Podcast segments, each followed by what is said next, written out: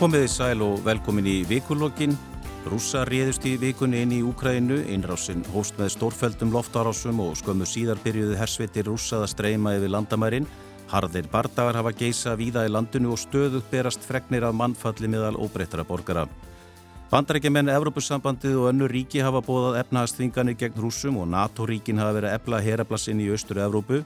Vikulokkin verða mestu helguð þessu máli Þórdís Kolbrún Reykjörg Gilvadóttir utaríkisáþur að kemur í síðari hluta þáttarins til að ræða þetta og viðbröð íslenskra stjórnvalda.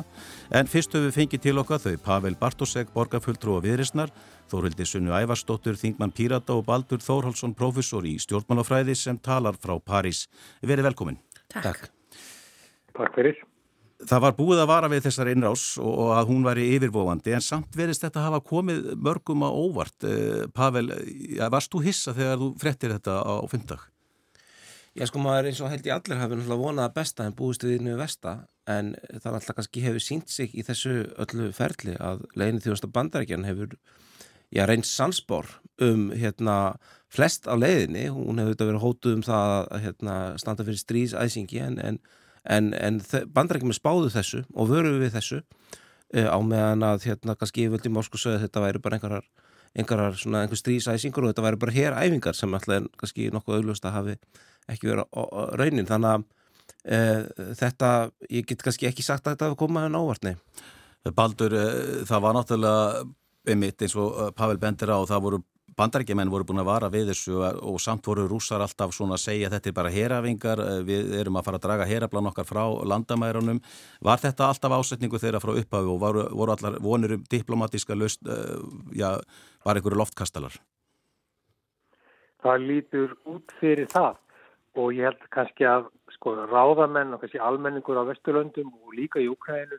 kannski áttu sig ekki á því að valdamenn í, í Moskvu sko þeir hugsa og framkvama öðru vísi heldur en ráðamenn í vestrannum líðræðisíkjum. E, þeir, þeir ljúta ekki sömu lögmálum og kannski misreiknum við alltaf út frá því. Það er sko, það er, það er aflið, það er valdið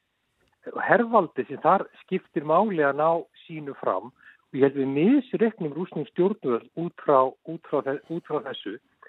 og eins og Pavel var að nefna þá hefur þetta rauninni leiði e, sko e, lengi í vestrænum fjölmjölum samkvæmt upplýsingu bandarísku leinithjónustunar vísu er sko ekkert að taka öllu gefni sem kemur frá þeim og e, það sem bandaríkja menn núna blæða fyrir er hvað þeir voru með misvísandi upplýsingar á, í, í aðræðanda Írakstrísins það sem við skrökuðu af almenningi þannig að menn trú ekki en þá upplýsingunum sem þaðan kemur en það er náttúrulega eins og að bera saman bara svart og hvít að bera saman upplýsingar sem koma frá Kreml og sem koma frá Washington. Þórildur, eh, já, hvernig horfur þetta við þér? Þetta er þetta bara alveg hræðilegt ástand og talandu hvort þetta, þetta kom mér alveg talsverta óvart og þetta maður minn sem er frá Pólandi og er búin að fylgjast mjög áhyggjufull með fréttum hafi raun við að vara með við þessu mjög lengi að þá einhvern veginn vildi ég ekki trúa þessu og ég held að að við kannski hérna á Íslandi séum mörg á þeim stað að við höfum ekki vilja trúa því að eitthvað, eitthvað á þessum skala svona um, óforsvaranlegt, óréttlætanlegt innrása stríð sem er algjörlega kólólálegt og einhvern veginn í, í trássi við það kildi sem við höfum verið að vinna hörðum höndum að því að byggja upp frá setni heimsturöldinni uh, hafi brotist út. Það er eitthvað sem ég held að við hefum bara mörg erfitt með að sætt okkur við að sé orðin heimsmyndin ofan á allt annað einhvern veginn. Eh, en hvert er markmiður úsa? Þeir segja sjálfur að, segja sjálfur að markmiður sé ekki að innlima eða herrtaka landið heldur knýja fram stjórnarskipti og mögulega mynda einhvers konar leppstjórn. Eh, en gengur það upp til lengri tíma, Pavel? Sko ég held að langtíma markmið eh, Pútins og hans stjórnar séu landvinningar. Ég held að það sé þannig og ég held að hérna, það hafi í rauninu verið eitthvað sem mann hafa líst yfir eh, að sko fatt Sovjetríkina hafi verið mistök. Og Eh, það kannski verður að líta til þess að í, í kannski heimsmynd Pútins þá er Úgræna bara eitthvað sem hann þarf að halda til þess að geta verið stórveldi. Þannig að e, ég tel að það sé því miður þannig. En, en auðvitað er það ekki heimsmynd sem við umfallast á. Að því að hérna, heimsmynd okkar á Vesturlundum er ekki það að við viljum einhvern veginn stjórna Rúslandi eða hafa einhverju ítök í Rúslandi. Mér dreymir þetta bara um sko, frjálst líðræðislegt Rúsland sem er bara okkar hérna, bandamæður og er okkar hérna, e, samstagsæðali á öllum mögulegum sviðum. Og þetta er í grunninn auðvitað hérna, ríki sem, sem sko deilir menningu með okkur og sögu. Þannig að við hérna, eigum ekki að gefa Putin eftir sko, það orðfæri að þetta sé einhvers konar sko, hérna, hugmyndafrælt menningastrýð þannig að ég held að þetta miður á langtíma markmið þeirra sé, e, sé í rauninu bara einfaldir landvinningar og það er það sem okkur á vesturund finnst oft svo erfitt að trúa að því að uh, sko, kannski það heimsveldi sem við þekkjum best, sem eru bandarækin það hefur ekki háð þess konar uh, raunin landfinningastrýð í mjög langan tím. Átök sem bandarækjuminn hafa farið út í hafa átt snúist einhvers konar efnæðsleg ítök eða áhrif bandarækjuminn fór ekki í dýrak til þess að Írak verði eitt að fylgjum bandarækjana þannig að það er svona kannski það sem gerist um verkum að, að okkur finnst þetta erfitt að skilja ásetningin en ég held að í þessu tilfinn sé að því miður sá að hérna einfalla að e, stöðla því að landamærin í Evrópu verði teknu upp á nýtt og það er eitthvað sem verðum að standa gegn. En, en þú talar um landvinninga, snýst þetta e, kannski um það að þeir vilja innlima þessa tvö héruð í austurhluta Úkrænu en leifa þá öðrum hluta eða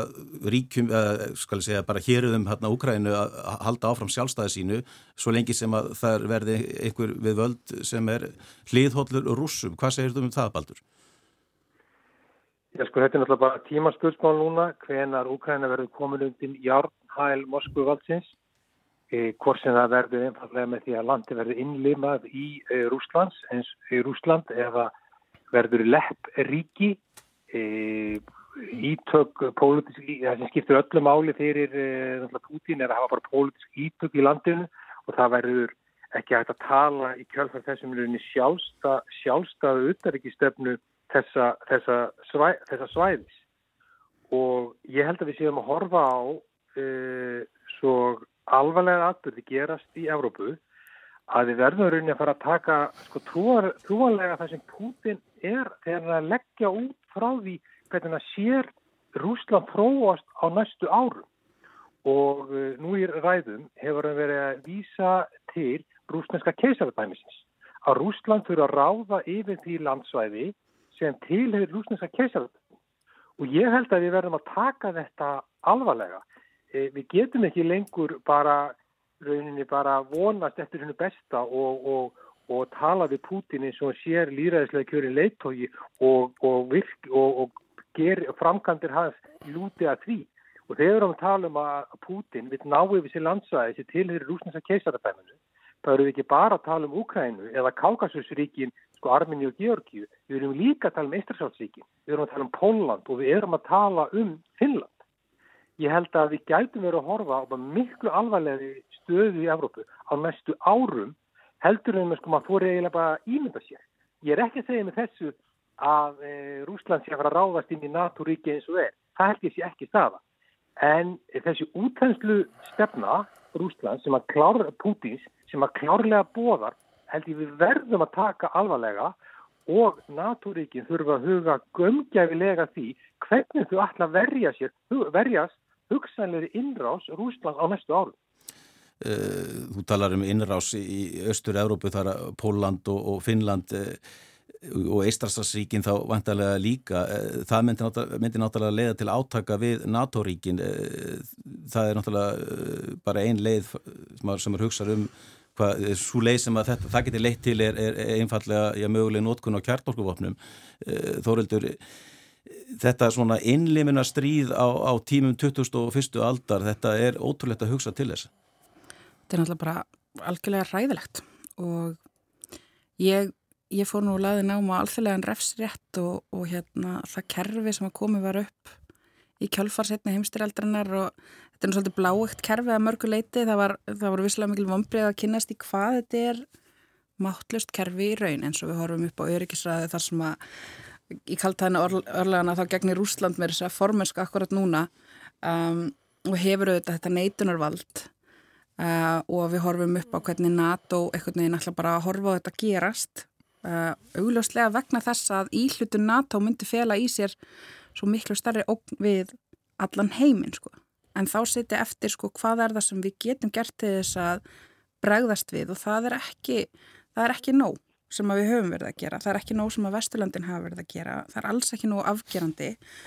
og ég held að helsta ástæðan fyrir því sé einfallega vegna þess að það kunni að hafa tölvert neikvæðar afleggingar fyrir efnahagsumra þessara ríkja og þá sérstaklega sko efnahagsreikninga nokkra stórfyrirtækja í þessum ríkjum. Þannig að til dæmis eins og það hefur verið mjög sterkt ákall eftir því að útilokar Úsland frá svift borgunarkerfinu sem að myndi gera þeim verulega erfitt um vika aðtapna sig á hérna alþjóðlega sviði. Vissulega væru ennþá opna leiði til Kína og Indlands og fleira en á sama tíma þá myndi þetta virkilega hafa raunveruleg áhrif á já, efnaðarslífi í Rúslandi og getu þessara ólíkarka á sem leis Pútins og Lavrós og, og, og þeirra eh, gengis til þess að í raun ráðstafa sínum risavöksnu fjármunum og, og lifa svona nokkur með einn eðlögu lífi þrátt fyrir þetta, þetta gríðar stóra brot á alþjóðalögum vegna þess að við skulum alls ekki gleima því að þetta svona einrásastrið gengur gegn algjörum grunngildum bara þeir, þeirrar heimsmyndar sem við höfum byggt upp í kjálfar uh, setni heimstyrjaldar bara stoppsáttmáli saminuðu þjóðana þetta bara, þetta vegur að sko kjarnanum í hann og það getur við ekki bara látið einhvern veginn gerast átölu löst með því að setja, ok, þungar efnaðastvinganir en að samaskapi sko alls ekki nógu áhrifamiklar. Við höfum allavega í pyrirtum tala fyrir því til dæmis að, að vera með mjög viðtakar og einstaklingsmiðar þvingunaraðgerði sem að tryggja það að, já ok, fyrir utan kannski ferðalög á, ferð, á fríðavirðaður eða eitthvað slíkt að þá verður bara algjört ferðabann á þá sem að standa fyrir þessari innrás og líka þá sem að fjármagnana og sömulegis verði þeim algjörlega gert ókleift að geima peningana sína í böngum í Vesturlundum, að senda börnir sín í fína engaskóla í Vesturlundum, að eiga fastegnir hana uh, og, og svo framvegis og svo framvegis sem er svona luxuslífi sem þetta fólk líka að stórleitir reyði sig á. Ef að það er tekið frá þeim, sérstaklega þeim sem að fjármagna þennan stríðsregstur, þá held ég að það gæti farið að grafa undan viljanum til þess að viðhaldanum og ég sé það sem einu svona nótæfi leðina til þess að reyna stöðvitastrið andars að fara í bein átök sem ég er algjörlega á því að við erum að forðast eftir allra, allra fremsta megni.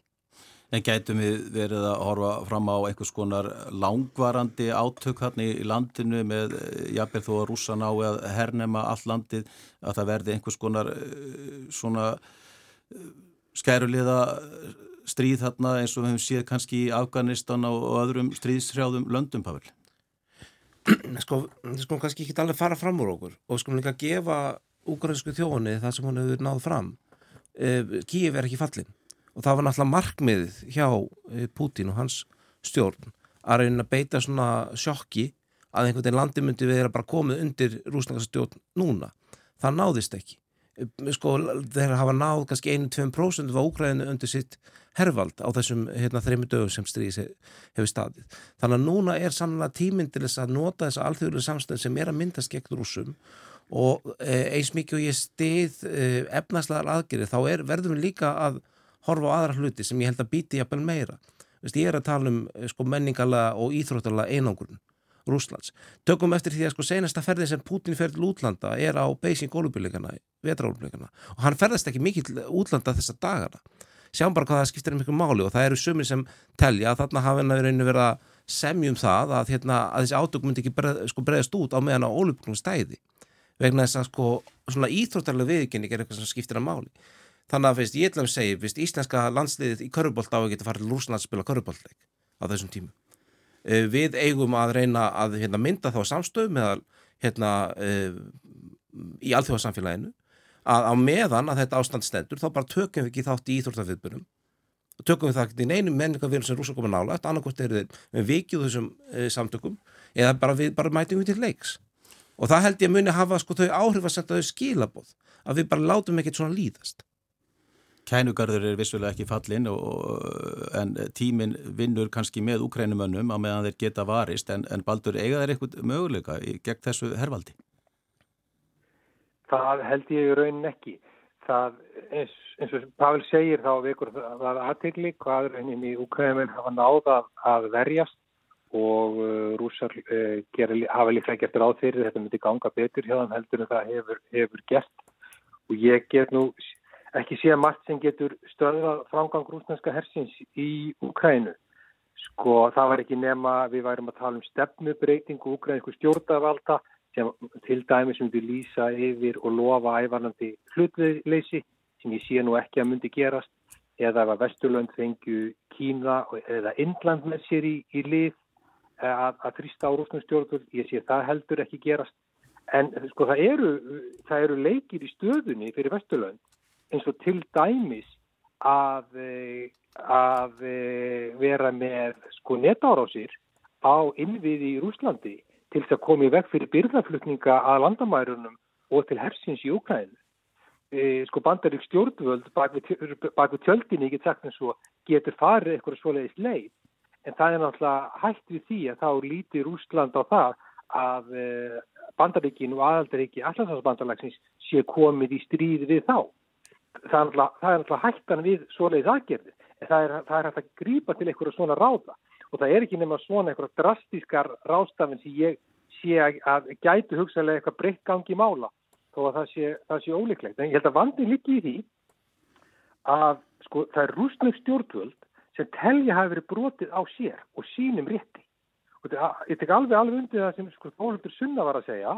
Ég held bara að rúsnöggir ráðamenn líka allt öðrum augum. Þeir eru þegar komin í stríð áður en kom, áður en koma innrásin í Úkræðinu, þeir eru komin í stríð við Vesturland vegna þeir, þeir upplefa að að þeim hafi verið sótt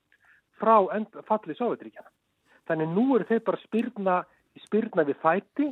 og, og ná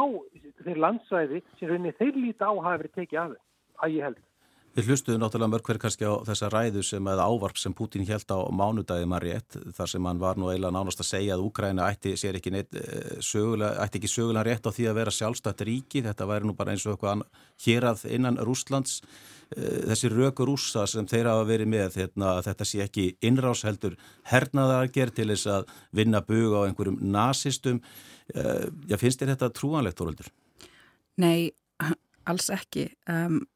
bara langt í frá. En þetta er retorík sem er hafa svo sem verið með í gangi fyrir eitthvað lengi og uh, svona kemur upp aftur og aftur eitthvað neginn í, í rúsneskri pólitík og við hefum svo sem verið að sjá það í Evrópuráðinu að, að sko eftir að þeir í raun fengu aftur yngöngu í Evrópuráðstingi 2019 þá hefur verið að halda svipun sjónameðum á lofti bara gagvart í raun uh,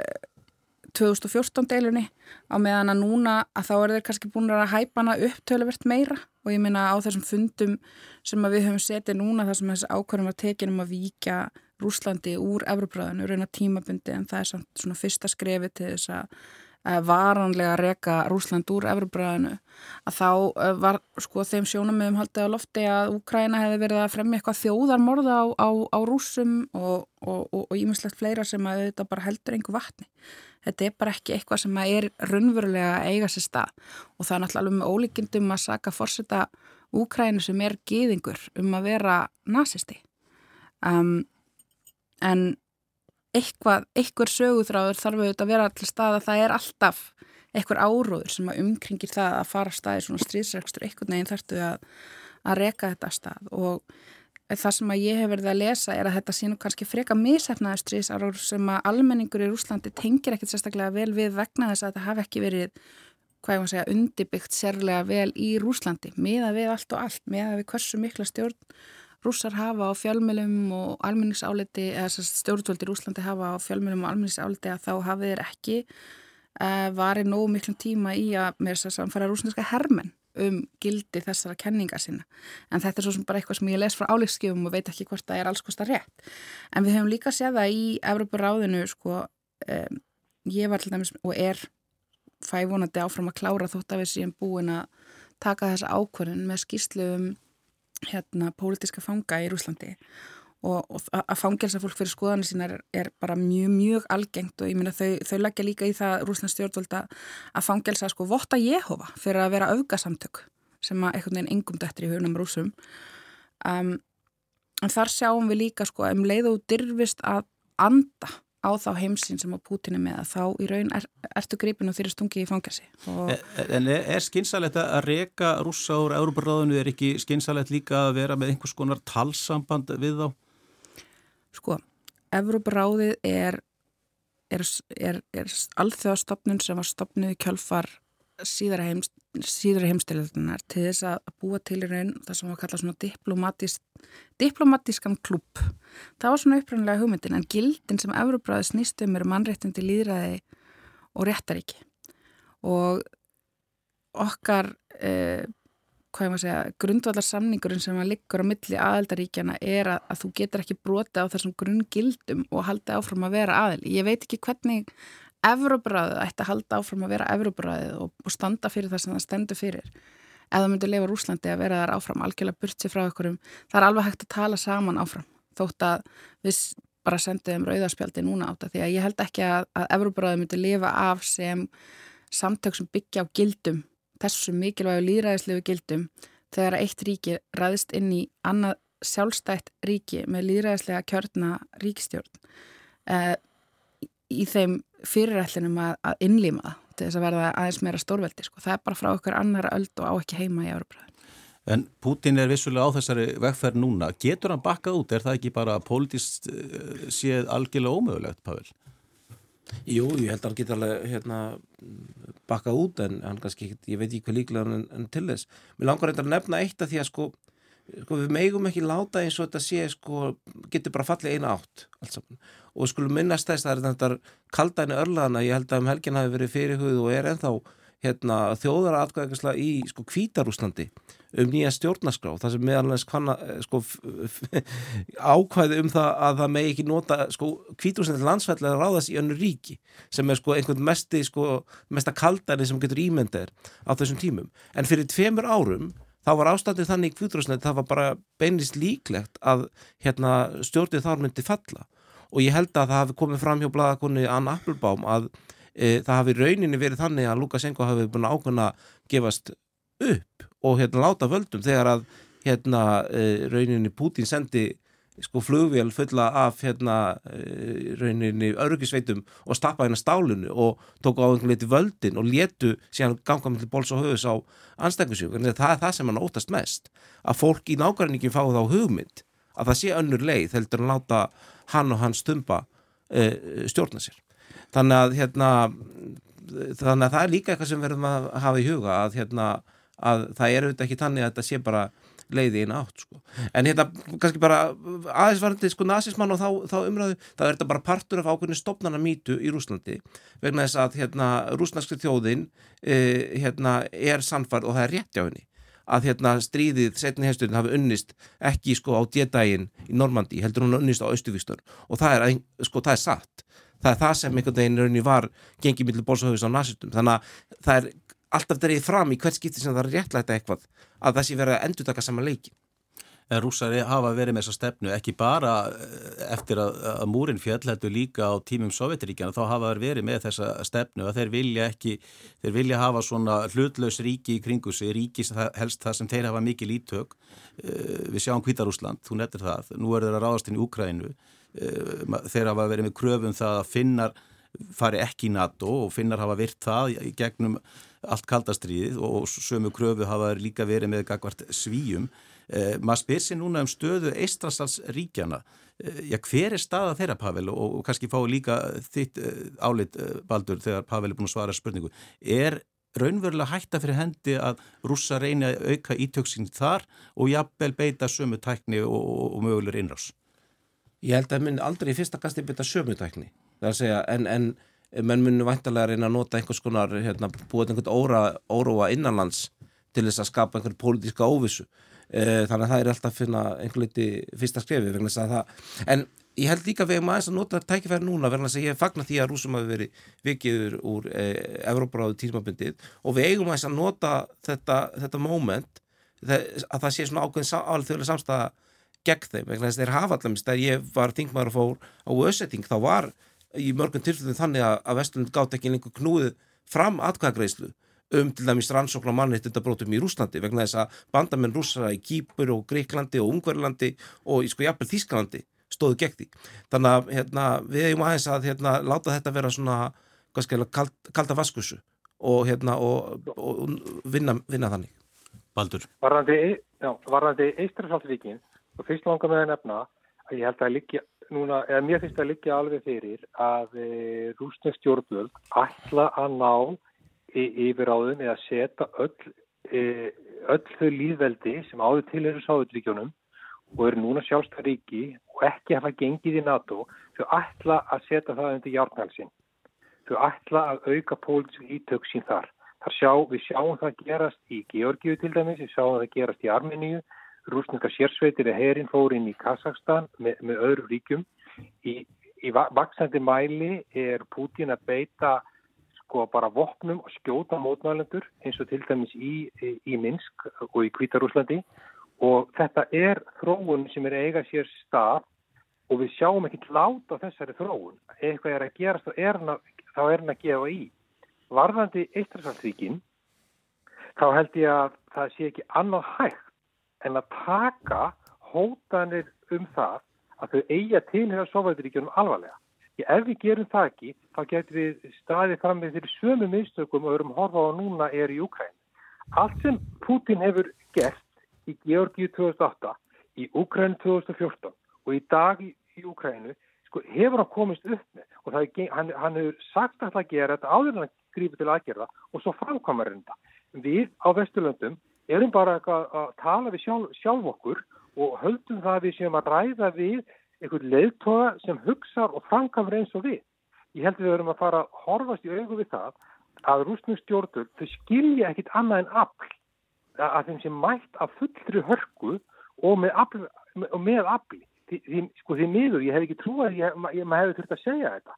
Í augnablikinu þá er eru NATO-ríkin að draga eh, sko, línuna upp við sín landamæri og, og, og segja að uh, það verður ekki líðið að það verður ráðist inn í NATO-ríki. En ég vil samt minna á það að þó að ef einhver ræðst á NATO-ríki, það þýðir ekki sjálfkrafa að öll NATO-ríkin bregður sér þeirri innrás. Vegna þess, ef við segjum sem svo, bæs við tek dæmi, ef Rúsland ræðst inn í Litáen, jú það er árás, eitt ríki þýðir árás þau öll, en það þarf að virkja 50 grein sáttmálans til þess að ríkin komi til aðstofar og verjast innrásinni. Það þarf að eiga sér stað. Þannig að NATO þarf að tala, tala mjög að núna, að mínum að því, að, að þessi 50 grein alltaf sáttmálans verði virkuð ráðist utan að koma til aðili á NATO-ríki. Mér finnst reyndar að hafa gert það, sko. Ja, ég menna allavega á þeirra heimasíðu að þá kemur mjög skýrt fram að, að það standi til að virka 50 grein ef það verður ráðustinn í nokkuð af NATO-ríkjanum. Ég fæ allavega ekki betur síðan að það sé mjög skýrt orðað þar sko en hvort að það hefði komist nú vel á framfæri, það er svo annar mál. Já, ég er ekki alveg vissum að það sé og svo er alltaf stóra spurningin hvað gerist með Finnland og Svíðu. Ég, ég er samfarið um það að núna verður vaksandi umræður um yngöngu í NATO í þessu ríkjum sem hefur verið, verið nokkur sko NATO er ekki skuldbundi fyrir að verja þessi ríki eins, eins og er og við erum bara að horfa fram á það breytt öryggsumhverfi í, í Evrópu að við verðum að e, sjá fyrir okkur og hugsa þá leiki ef að, að bein okkur stæðja til dæmis að Finnlandi. Hvað ætlar NATO ríki fá að gera? En er þetta ekki þóruldur eins og Baldur að segja, brúðust við bara ekki ægilega harkalega við þegar til að mynda Pútín eh, fór inn í Krímskaga á sínum tíma? Hefðu þið ekki átt að setja eh, stopp, eða draga línunni sandin þar heldur en, eh, heldur núna? Jú, ég get alveg tekið undir það og mér hefur fundist eitthvað einn viðbröð vestuveldana alltaf vera eitthvað einn eins og köttur að læðast í kringum heitan greit og þú er ekki alveg að að fara í einhver bein og nú er ég ekki að tala um stríðsátök heldur bara átök við Pútin um hans stríðsregstur og, og hérna um svona þá glæpir eins sem hann, hann hefur framið sko. Uh, og, og það er vissulega bitnað okkur núna. Ég held að, að þessi alltaf tveir skólar sem er að takast á í vestræðinu svona diplomasíu ringjónum eða hvað sem maður á að kalla þetta og valdarringjónum og það er að halda samtalenu opnu eins og, eins og minnst var á hérna áðan og einhvern veginn reyna að ræða þetta, ræða sér niður á einhverja niðurstöðu og halda að maður geti átt í einhverju líðræðislegu samtali sem maður verður að einhverju sem allir geta sætt sér við á einhvern hátti eða eitthvað slíkt. Um, en á bakvið það er líka alltaf gríðalegir efnahagslegir hagsmunir sem að ganga út á þetta bara hversu mikið af sérstaklega gasi uh, Rúsland á sem að stór hluti Evropa reyði sig á. Og, og bara svona efnahagsleg ítök sem að Rúsland hefur sem að efnaðast þvinganir og svona kannski þessar þvingar sem er að fara að býta uh, er náttúrulega auðvitað líka tví ekki að sverð uh, og síðan er það hinnir sem að hafa vilja að fara í miklu miklu harðari aðgerðir sem að að sumileiti hafa einogressi vegna þess að þeir hafa verið of herskáir fyrir hinskólan sko Þetta er allavega svona átökinn sem ég hef upplegað að eiga sér stað í Európaræðinu, það er einhvern veginn, það er svona tvær hlýðar sem að vilja halda samtalunopnu og svo er hinnir sem að vilja loka allt sem að frá Rúslandi kemur og, og hérna, uh, en sko um leið og þeir fara að reyna að ná sér saman að þá fyrir hinn hlýðin að kalla hinn að svíkara og þetta verður einhvern veginn rosalega eldfimt og erfitt og, og þá kemst engin góð nýðustæði hlutina. Og mér er auðvitað fundist Evrópa vera svolítið á þessum stað, við erum að sjá það núna eins og alltaf með þessa ákvörðun um að, að loka aðgengi Rúslands að svift að þarna eru bara nokkur ríki sem standi vegi fyrir því að, að ESB í raun beiti sig með þessum hætti. En er ekki, er ekki Evrópuríki bara almennt of háð Rúslandi að mörgu leiti til að mynda varandi orkus og það sé nefnd? Jú, yeah. þau hafa, ég maður þess, yeah. þau hafa bara ekki passað sig á því mm -hmm. að, að fjalla þessu Úsland hvað þetta varðar efna, efnahagslega. Og Þískaland og Ítalið, þessi stóru ríki í, í, í, í Európa-sambandinu sem eru núna komið vekk fyrir að svift bankakerfinu ver, verði lokað e, eru bara svo hálfkaupum á olíu og gasi frá Úslandi að þau, þau, þau teista sér ekki til þess að leifa það. En mér langar aðeins að benda á hins vegar hvað sér einni vesturlöndin gera þó að þau seti viðskipta þingarnir á Úsland, í Úsland verði heft út úr Európaráðinu, þá mun að ég til ekkert mikið gerast nema sko að vesturlöndin nái Indlandi og sérstaklega Kína með sér í lið sko Kína er stóri sko fyllin í glerbúrinu. Það er óbynd bandala núna í dag millir Kína og Úslands sem er dálítið okkvæðilegt ef að það styrkist. Við vitum ekki alveg hvernig þróunu verður af því því að Úsland og Kína er líka í samkeppni um völd í, í, í, í mið-austur Asíu og á norðurslóðum og vaksandi kannski samkeppni getur orðað millir í framtíðinni. En í augnabliki eru þau góðu bandalagi og þetta getur til dæmis orðið til þess að Vesturlöndu fyrir að nálgast Kína með, með svona e,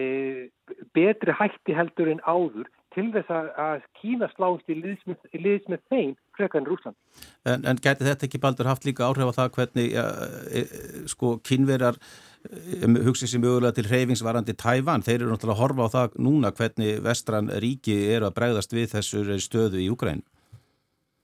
Jú, ég heyri það að sérfræðingar í málöfni Kína, Kína tala þannig að, að kínverjar séu svona hliðalíninu og horfi á hvað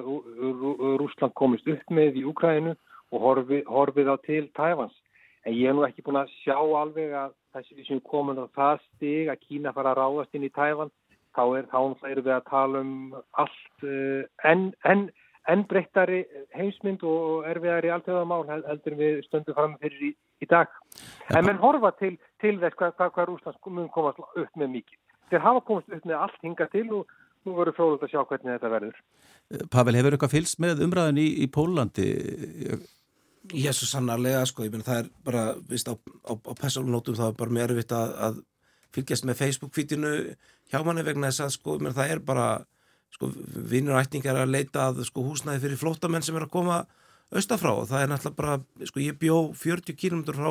ukrainsku landamærinum í sjö ár þegar ég var krakki, sko, ég hef lappaði verið þessi landamæri hérna á fótum. Þannig að, og öll, öll þessi svæði núna eru að undirbúa sko, fjöldamótokustöðvar fyrir flótamenn, þannig að það er hérna bara mjög, hérna, mjög erfitt og snúið og tilfinningaþrungið. Og ég minna, ég var á síningu á pólsku leikrit í gæri í hérna borgarleikusunum sem er hérna var fyrsta skipti sem var pólskumandi leikrit frumsýnd í borgarleikusunum og það leindi sér ekki lókin þegar menn, þegar leikópunum gekk fram með úgræska fánan og, og gæti ekki haldið bara andlitinu. Sko það, það er, er alveg hérna reynir gríðala á hérna, allt nærumkörið, bara svo ég segi það. En er, er ykkur í, í fólki í Pólandi óttast menn að, að rússar hugsa sér til reyfings gagvart Pólandi? Ég, sko ég get ekki sagt að það sé eitthvað sem menn hérna, telja sér líklegt að gerist alveg strax. En hérna það, er al, það er hægt að hugsa sér ég held að kannski bara fyrst ef maður hefur gengið í gegnum það og á um og hafa sem hefur gengið í gegnum það þá var maður auðveldar að hugsa sér scenarjóið sem hérna, þetta leiði til. Þannig að það er kannski svolítið, svolítið þannig sem það er. En við meðum heldur ekki eins og ég segi gefast upp og, og þetta er ekki bara ein, fyrst, ein leið og það sem er, má kannski segja að munun á standur núna fyrir 8 árum að við erum þó að hvetja úgrænumenn til að berðast við og grípa til vopna sko megin viðbröð fyrir 8 árum voru eiginlega þau að vestuvöldin öll vonist til þess að þeir myndu bara leggja niður vopn, lefa rúsum enn ef að klinskaðan og nálaðsvæði og svo þetta vandamönd myndu bara fara. Og við vitum að það verður ekki. Já, ég í fyrsta legi þá bara er að fylgjast með aðdáðun uh, með Pólandi sem að hefur verið að bara taka rúslega vel á móti flótafólki og maður sér það að samfélagið allt er einhvern veginn bara að opna sín arma og, og einmitt að, að reyna að hjálpa til eins og það getur. En þess vegna langaði mig líka einmitt að beina sjónunum hérna heim vegna þess að, að ég er að horfa í algjöri fórundran á hvernig dómsmála ráþara Íslands leifir sér. Og ég bara, ég myndi eiginlega bara kalla þetta eitt af ógeðfeldari atvikum í íslenskri út, útlendingapólitík sem ég hef séð að hann tekur máls undir því hvort að við hefum ekki að taka á mótu úkrænsku flótafólki og hendir fyrir sig að það sé hópra fólki hérna sem að lætur ekki brottvísar sér á göduna og guð og gattin til Greiklands ef það kemst hjá því. Uh, og hann beitir þeim gegn fólkinu í Úkrænu, gerir þá eitthvað með eina að, já, óvinni þess að við getum aðstofa fólki í Úkrænu En var ekki Úgræna, bara... það var fært að lista yfir öruglöndi það ekki? Jú, en nú er hann að segja að, að allir þessi flóttamenn sem eru hérna á Íslandi og neyti að taka PCR-próf til þess að vísa sér úr landi sé að standa í vegi fyrir því að við getum hjálpa úkræðiskur flótamenn og við skulum ekki gleyma því að þetta er sami hópur og útlendingarstofnun vísað á dyr, sviftið á húsnæði, sviftið á allir í grunn þjónustu, þetta var brot á lögum, það er búið að komast að því, það voru engar afleggingar að því. Þetta er einn af viðkomustu hópanum í íslensku samfélagi og það að dómsmálar á þeirra Íslands takir sér til og beiti honum fyrir sig sem einhvers konar afsökun fyrir því að taka ekki þátt í því að bjóða flótamenn frá Úkrænu velkomna hinga til lands. Þetta er svo skammarlegt að ég, ég á bara valla til orðið yfir það hvað þetta er ógeðslegt, þessi orðið. Hann ætti bara að skammast sín þessi maður. En, en Baldur, svona svo vikið aftur hérna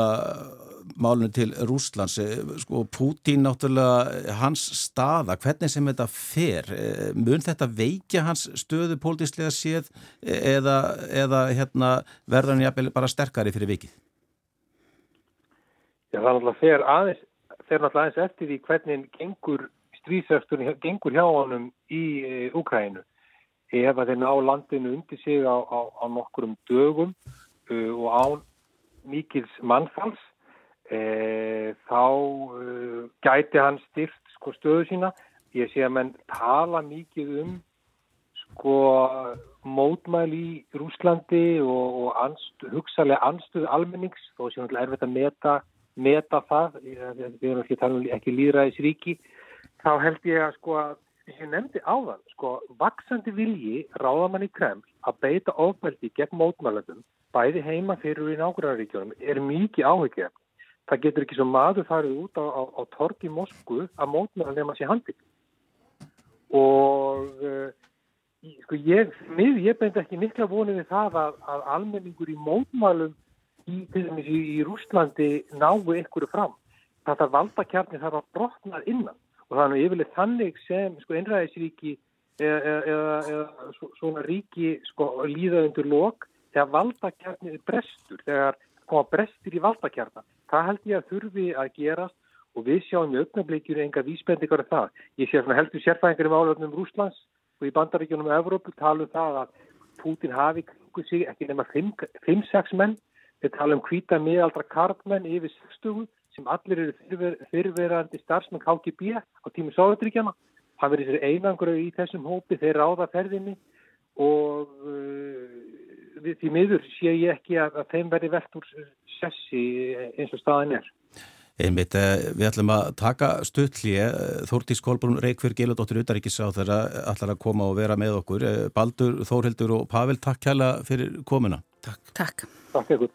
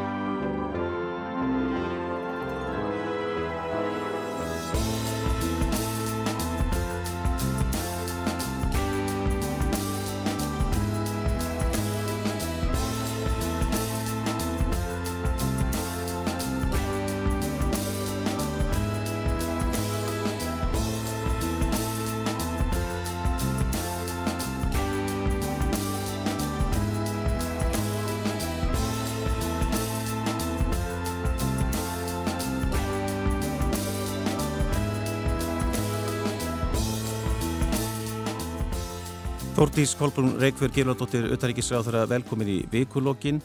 eh, í vikunni, eða bara fyrir nokkrum dögum þá var, uh, voru bóðar þessar efnaðastfinganir Európa-sambandsins Bandaríkjana og annara ríkja gegn rúsum út af stríðsátökunum í Úkrænu koma þessar efnaðastfinganir til með að gera eitthvað gagn? Já, það vona ég svo sannlega um, það er, það er hérna klárlega markmiði og það eru þetta af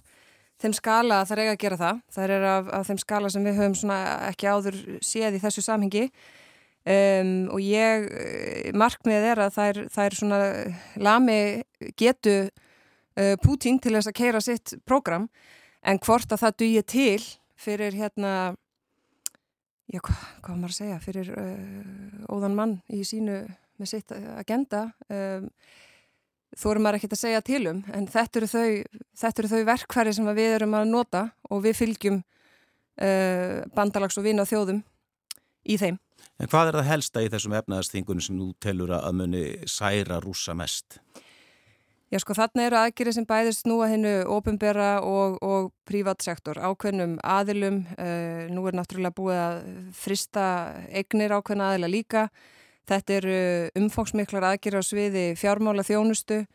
Uh, þetta eru líka aðgjur sem snúa í raun að sko uh, innflutningi til Úslands á, á hérna, búnaði til að mynda fyrir flúvélar uh, sem að hérna, hann þarf sárlega á að halda og svo framvegs. Þetta, eru, þetta eru á öllum mögulegum sviðum en auðvitað er rætt hvort að, hvort að meira er að koma til og nú er mikið rætt um því svo kallega svift kerfi af hverju það sé ekki með og hvort að það því verði bætt við. Um, ég hef tekið eftir því að, að breytar til að mynda tala mjög óbrískátt um það að það eigi að koma inn. Uh, Ekkur er telja að það þurfi ykkur frekari skoðun ákvæmlega hvað aflengar það hefur en ef að það er þið lagt til þá myndi ekki standa okkur hér að stiðja það. Markmið er að þetta bíti og þetta bíti fast þannig að uh, ég gerir ráð fyrir því að það verður nú gengið lengra frekar en hitt og sömu leiðis að, að þetta snú ekki engungu að Rúslandi heldur Belarus líka en það eru þeir uh, og Lukashenko beitt þáttakandi í þessum hörmungum, er að bjóða þarna fram landsvæði og stuðning og búnað og svo framvegist, þannig að það er ekki hægt að hóra fram hér því heldur. Þetta sviftkerfi, svo fyrir þá sem kannski þekkja það ekki, þá er það kerfi sem er byggt og, og, og, og til að framkvæma umverulega fjármaksflutninga á milli landa, við notum þetta daglega þegar við notum greiðslukortin okkar. Eh, ég munur rúsa bara ekki leita til kynverja og annara ríkja til þess að já, framkvæma þessar millafæslur, nota eitthvað eh, þriðja ríki til þess? Ég eh, þóra ekki að segja til um, um það hvernig uh, Putin og fjölar myndu bregðast við því um, en, en það er ástæði fyrir því að meiri segja Selenski hefur sérstaklega konkrétt beðið um að þetta er þið gert uh, vegna þess að hann veit að það hefur þannig alveglega áhrif. Það hafa íslensk stjórnvöld ný, svona bara undanförnum sólarhingum verið í beinum samskiptum við ráðamenni í Ukrænu? Já sko, Selenski var nú á örgisástafninni í munn hér fyrir ekkert mörgum dögum síðan uh, þar sem ég var líka og uh, við höfum í rauninni á okkur fundum, þar er ímist sko leiðtóið þar uh, á ákunnum fundum, auðarrikiðsáþara, minn kollegi mætir á þá fundi þar sem hérna, þeir sitja til bors en ég hef ekki tekið sko, ég hef til dæmis persónulega ekki tekið síma við töl við Uh, mína kollega síðastleina sólarhinga en, en ég sé það og fylgjast með því á Twitter að, að uh, mínu kollegar til að mynda Estrasalds uh, eh, hérna ríkja auðvitaðrikiðsáþurar hafa verið að gera það og fleiri, brettar og, og fleiri en, en ekki, ekki ég personlega nei. En hvert verður framlega Íslands til þessara efnaðast þingana því við höfum alltaf verið með aðgerir í gangi frá árunni 2014 og, og rússar á móti settu viðskiptabann á á Ísland. E, mhm. Er það eitthvað meira sem við getum gert raunverulega? Sko þessar aðgerri sem að núna eru komnar í gagnið eru allt aðrar, allt annars eðlis á allt örum skala uh, og, og með engum mótu hægt að bera saman við það sem gert var 2014 þegar viðurinni setjum refsaðegeri gegn ákunnum aðilum og rúsar koma síðan árið síðar og setja viðskiptabann á okkur. Uh, þannig að það, það má alveg gera ráð fyrir því að þetta hafi áhrif á, á hérna, einstaka fyrirtæki hér og slíkt en í auðvitað í stóra samhenginu snýst þetta um samstöð, þetta snýst um að, að við séum ekki ykkur veikur hlekkur í því að taka stöðu í því liði sem við tilhörum og erum að taka slægin þar, þannig að þetta er auðvitað líka tákranækir fyrir lítið Ísland með lítið, hérna, ykkur lítil efnahags umsug í stóra samhenginu. Uh, og svo þarf að koma í ljós með hvað hætti Pútín bregst við með einhverjum hérna, gagnaðgjörðum en við getum alveg stráð fyrir því að þetta hafi einhver áhrif hér en, en hérna, þetta snýstum að, að, að taka stöðu með vina og bandalagstjóðum. Þannig að okkar, okkar framlega til þessara aðgerða er fyrst og fremst ja, stuðningsyfirlýsing því að við erum alltaf kom fram búin að vera með aðgerðir í gangi í, í átt ár. Já, en sko þær aðgerðir eru raun bara þessar refsaðgerðir gagast ákveðnum aðlum uh, sem síðan er rússar svara með því að setja viðskiptabann á, á okkur. Uh, núna eru þær miklu umfangs meiri en það er ekki svo við séum að framleiða uh, skiljið var, varahluti í flúvilar eða hérna, eitthvað slíkt þannig að, þannig að svona beinu aflenganar hingað eru kannski uh, ekki miklar en, en við erum þáttakendur í, í, í mjög umfangsmiklum og þungum efnahags uh, hérna, þvingunum á, á rúsa og svo eftir aðtökum Belarus líka. Hvernig hafa, já, eftir að við eh, beittum þessum, eh, tókum þátt í þessum eh, aðgjörum á sínum tíma, hafa, hvernig hafa samskipti Íslands og Rúslands verið og, og, já, hvernig, og hvaða áhrif en þetta sem er að gerast núna hafa á þessi samskipti? Ég hef ekki trúaður en að það sem er að gerast núna hafi alvarlega áhrif á og mikil áhrif á okkar samskipti. Ég minna við höfum kallað uh, rúsnarska sendaherran uh, inn í ráðaneyti núna í tvígang og farið yfir það, eh, okkar, okkar hérna, línu, okkar málstaf um, og, og hann hefur nú fengið sitt plattform hindi hérna fjölmunum til þess að uh, raukstiðja og útskýra hvers vegna þetta er nú allt mjög réttlætalegt uh, sem er hérna, ótrúlegt á að hlusta. Akkur segir það? Ótrúlegt á að hlusta á hans, hans rauk uh, að, að það séu hérna að rúsneska yfirvöld og Pútín telli mér nöðsulegt til þess að verja sína þegna að, að stöðva nazista í Úkræni. Ég ætla bara rétt að vona engin hérna, maður trúi því að það sé að, það, að, að þetta sé hérna hið sanna, að þetta sé satt uh, því það er það svo sannlega ekki. En að ég, ég menna það er augljóst að þetta mun hafa miklar hérna afleðingar á, á svona á samskiptin uh, en svo, svo þarf að koma í ljós nákvæmlega hvernig þetta þróast og, og, og, og hvað verður. Eh, Heldur það sé raunverulegur já, heldur að segja, við þurfum að hafa áhyggjur af því að, að þessi átug gæti breyðst út til annara ríkja Evrópu? Mér langar mjög að segja uh, nei og auðvitað þarf maður að, að vanda sig þegar maður uh, gegnir því ennbætti sem ég gegni og tala af yfirvegun og, og hérna málefnulega uh, og ég reyndi framann af að gera það Um, svo kom í ljós að það sem hafði verið vara við og svona uh, já, einn besta sviðsmynd sem búið var að teikna upp uh, raungerist. Þannig að mér finnst ekki heldur ábyrgt að, að segja þvert nefið því að ég hef ekki áhyggjur því. Uh, ég, ég satt að segja að hef áhyggjur því. Við vitum ekki hvort uh, Pútín ætli að láta það duga að ná þessu risastóra hérna landi og þessari sjálfstæðu fullvalda þjóð með saklusum almennum borgurum uh, á sitt band. Um, samskiptin síðan við Belarus eru svo þau eru ég menna hann bara stýrir ágætlega málum þar. Eða hvort að hann ætlir umverulega búa til, ætlir sér að búa til eitthvað fyrrum hérna, heimsveldi sko. Og þá ertu náttúrulega, ég menna þar, þar undir eru bara NATO-ríki Uh, auðvitað eru við komin á einhvern annan skala ef að, ef að maðurinn ætlar að fyrirskipa hérna, innrás inn í NATO-ríki. Um, en það eru lönd hann í kringi minna þú ert með uh, Bosníu sem er mjög, mjög viðkvæm staða. Um, það sem ert með mismunandi þjóðabrót og, og, og viðkvæma stöðu. Við erum með Finnland þarna alveg við landamærin sem eru ekki í NATO. Um, við erum með Svíþjóð, Gotland sem eru ekki í NATO og Eistarsalsríkin eru þetta hérna svona gammal draumur uh, þessara manna að, að hérna ná einhvern veginn tilbaka. Ég minna það sem að það sem að úkrænska þjóðin gerði af sér var að vilja vera sko sjálfstætt uh, fullvalda ríki og, færis, og líðræðisríki og færa sér átt til hérna vina og bandalagsþjóða. Það var nú ekkit annað sem að þetta fólk hefur hérna gert af sér sko og, og þegar maður horfir á þessu stöðu alla saman að þá hérna fyrst og síðast og það sem gerir þetta svo sárt og ömulegt er að, að horfa upp á afleðingar saklus fólk sem er að reyna að lifa sínu lífi í sínu landi með hérna undir stjórn fólk sem að það kaus. Uh, og, og þess vegna eru þetta verið hér með mjög alvarlegum og strategískum hætti verið að vega að sko, grundvalla gildum sem við stöndum fyrir vestran líðræðsríki standa fyrir og líðræðsríki standa fyrir og, og hérna og það eru þetta líka í því samhengi sem við verðum að hugsa þetta. Ég meina hvað hvaða, hvaða möguleika á smá ríki eins og Ísland ef alþjóða lög eru bara ekki virt og það bara hefur ekki afleðingar að, að brjóta alþjóða lög, þverbrjóta þau sko. Að, að landamæri sé ekki virt og lögsaga á sjó á landi. Þú veist, í hvernig ætlum við að ringja ef að þeim dettur í huga að, að hérna, koma hingað inn á okkar lögsögu? Mön þetta, já því við erum kannski einhver leita að fara inn í nýja tíma í svona þegar við horfum til öryggismála, erum við að fara að horfa upp á aukna svona výbúnaðar uppbyggingu í, í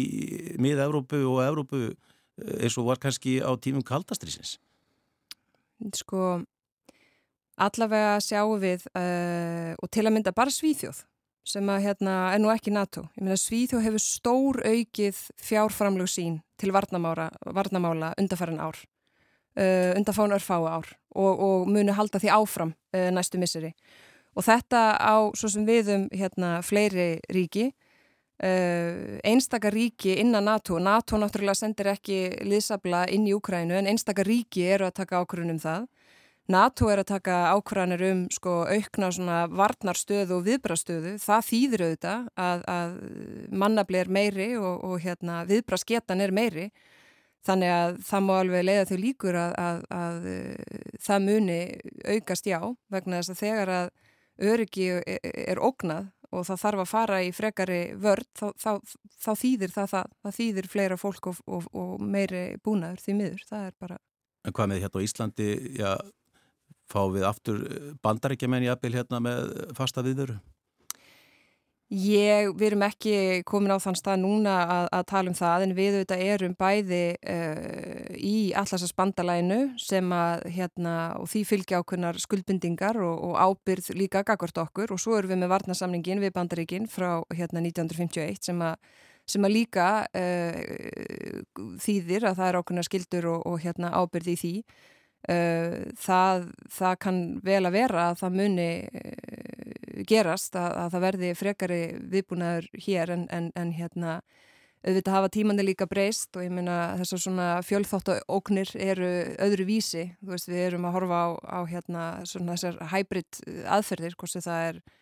netárásir eða, eða hérna aðra slíka þætti. Þannig að, þannig að sko varnirnar eru líka öðruvísi heldur en þær voru þá Um, þannig að nákvæmlega hversu margir einstaklingar verða uh, versus bara hérna, annars konar viðbúnaður Þa, það, það breytist auðvitað líka með hérna, tímanum bara í ljósi þessa staðan rönnu núna. Og hefur þessi, þessi möguleiki verið rættur í ríkistjóta því að þeir eru náttúrulega í stjórnarsamstæði með vinstir grænum sem er á móti NATO aðild? Já, sko, vinstri græn eru með það á stefnusgrá sinni um, en fósættisráð þeirra Ísland sem, sem hérna, fer auðvitað fyrir þjóðuríkisáði uh, hefur uh, sint sínu hlutverki að mínu viti sem fósættisráð þeirra mjög vel og mætir á leittófundi og, og stendur að fullu að baki þjóðaröryggis stefnu Íslands þar sem aðild okkar að NATO er algjör kjarni í þeirri stefnu. Þannig að um, við erum núna efall á þeim stað að, að hérna það skiptir máli fyrir okkur að, að þetta geta að tala saman og það allt en, en hérna að við séum bæði að tryggja öryggi okkar hér og við séum fullið þáttakandur í allarsas bandalæinu. Við höfum skildum að gegna sem við sinnum af sóma. Við erum hér með loftrými gæslu og gisturíkja hérna, aðstóð og, og, og, og hérna, eh, styðjum við ákvarðanir sem er eh, óskastuðnings við innan NATO. Uh, erum mjög vel mönnuð í Brussel af okkar fólki þar Þannig að e, það verður engin breyting þar á og, og í, í, í svona ástandi að þá hérna, munum við, trúi ég sem ríkistjórn áfram sína það að þegar mikið reynir á að þá vinnum við saman og þá heldur ekki síður við um þingið, bara verða að fá að nefna hérna því að e, ég sá nú að Þórildur Sunna var hér að ganga út og var að hlusta hann á hann. Um, þessi svona þverrpolítiska samstæða sem hefur verið hinga til, bæðin í utryggismálunemnd og niður á þingi, ég, ég kann mjög vel að meta hann og mér finnst srómið að því fyrir herlusa þjóð eh, eins og okkur sem erum hérna svona ennþá, bara mjög fjarrri þessu, þetta er ekki, ekki yfirvond og okk fyrir Ísland uh, að við skulum hérna geta sínta að, að við stöndum sem einn maður uh, með okkur vina og bandalagsstjóðum. Nú hefur verið að tala um já, flottabannaströym, mm -hmm. við vitum að það eru 20.000 ef ekki mörg hundru þúsund manns að flýja núna uh, yfir landamærin til, til afsakið Póllands, Rúmeníus og, og Slovakíu, ef maður rétt. Eh, ætlum við að taka við flottamennum frá Ukrænum? Við höfum uh, verið í samtali við bara í gegnum okkar svona kerfi, okkar hérna, þáttöku í, í alþjóða samfunnu og reynda að fá yfirsýni við það hvað er að gerast og hvernig um, og fylgjast bara mjög náið með því. Það má alveg gera ráð fyrir því að því það hefur þegar gerst, það hefur opnað landamærin uh, og fólk að, hérna, fara yfir og að sjálfsögðu munu við taka þátt í því og, og hérna, vera þjóður meðal þjóða uh, þegar að hérna, kalli kemur og ég veit að Eh, félagsmálar á þeirra kallaði saman flótamanna nefnd í gær uh, til fundar og, og við höfum verið bæði í samtali og verðum það áfram að bú okkur undir það sem hérna, getur komið til og sjálfsögum munum við sinna okkar skildum þar og, og, vera þjóðar með að þjóða í því. Þannig að undirbúningur er þegar hafinn? Já, bæði bara í því að stilla saman strengi og tryggja svona rétt af farvegi og samtala milli ráðneita uh, en og líka síðan bara í okkar þáttöku uh, sem sagt erlendis bara í gegnum okkar hérna, ferla og alþjóða samstarf, já. Þórtís, takk kjæla fyrir komuna og það verður áframfjallaðum átökin í Úkrænu í þættinum heimskviðum sem verður í beitni útsettingu á rás 1 klukkan kortir í 1 en vikulokkin verða á sínum stað og lögata eftir viku verið sæl.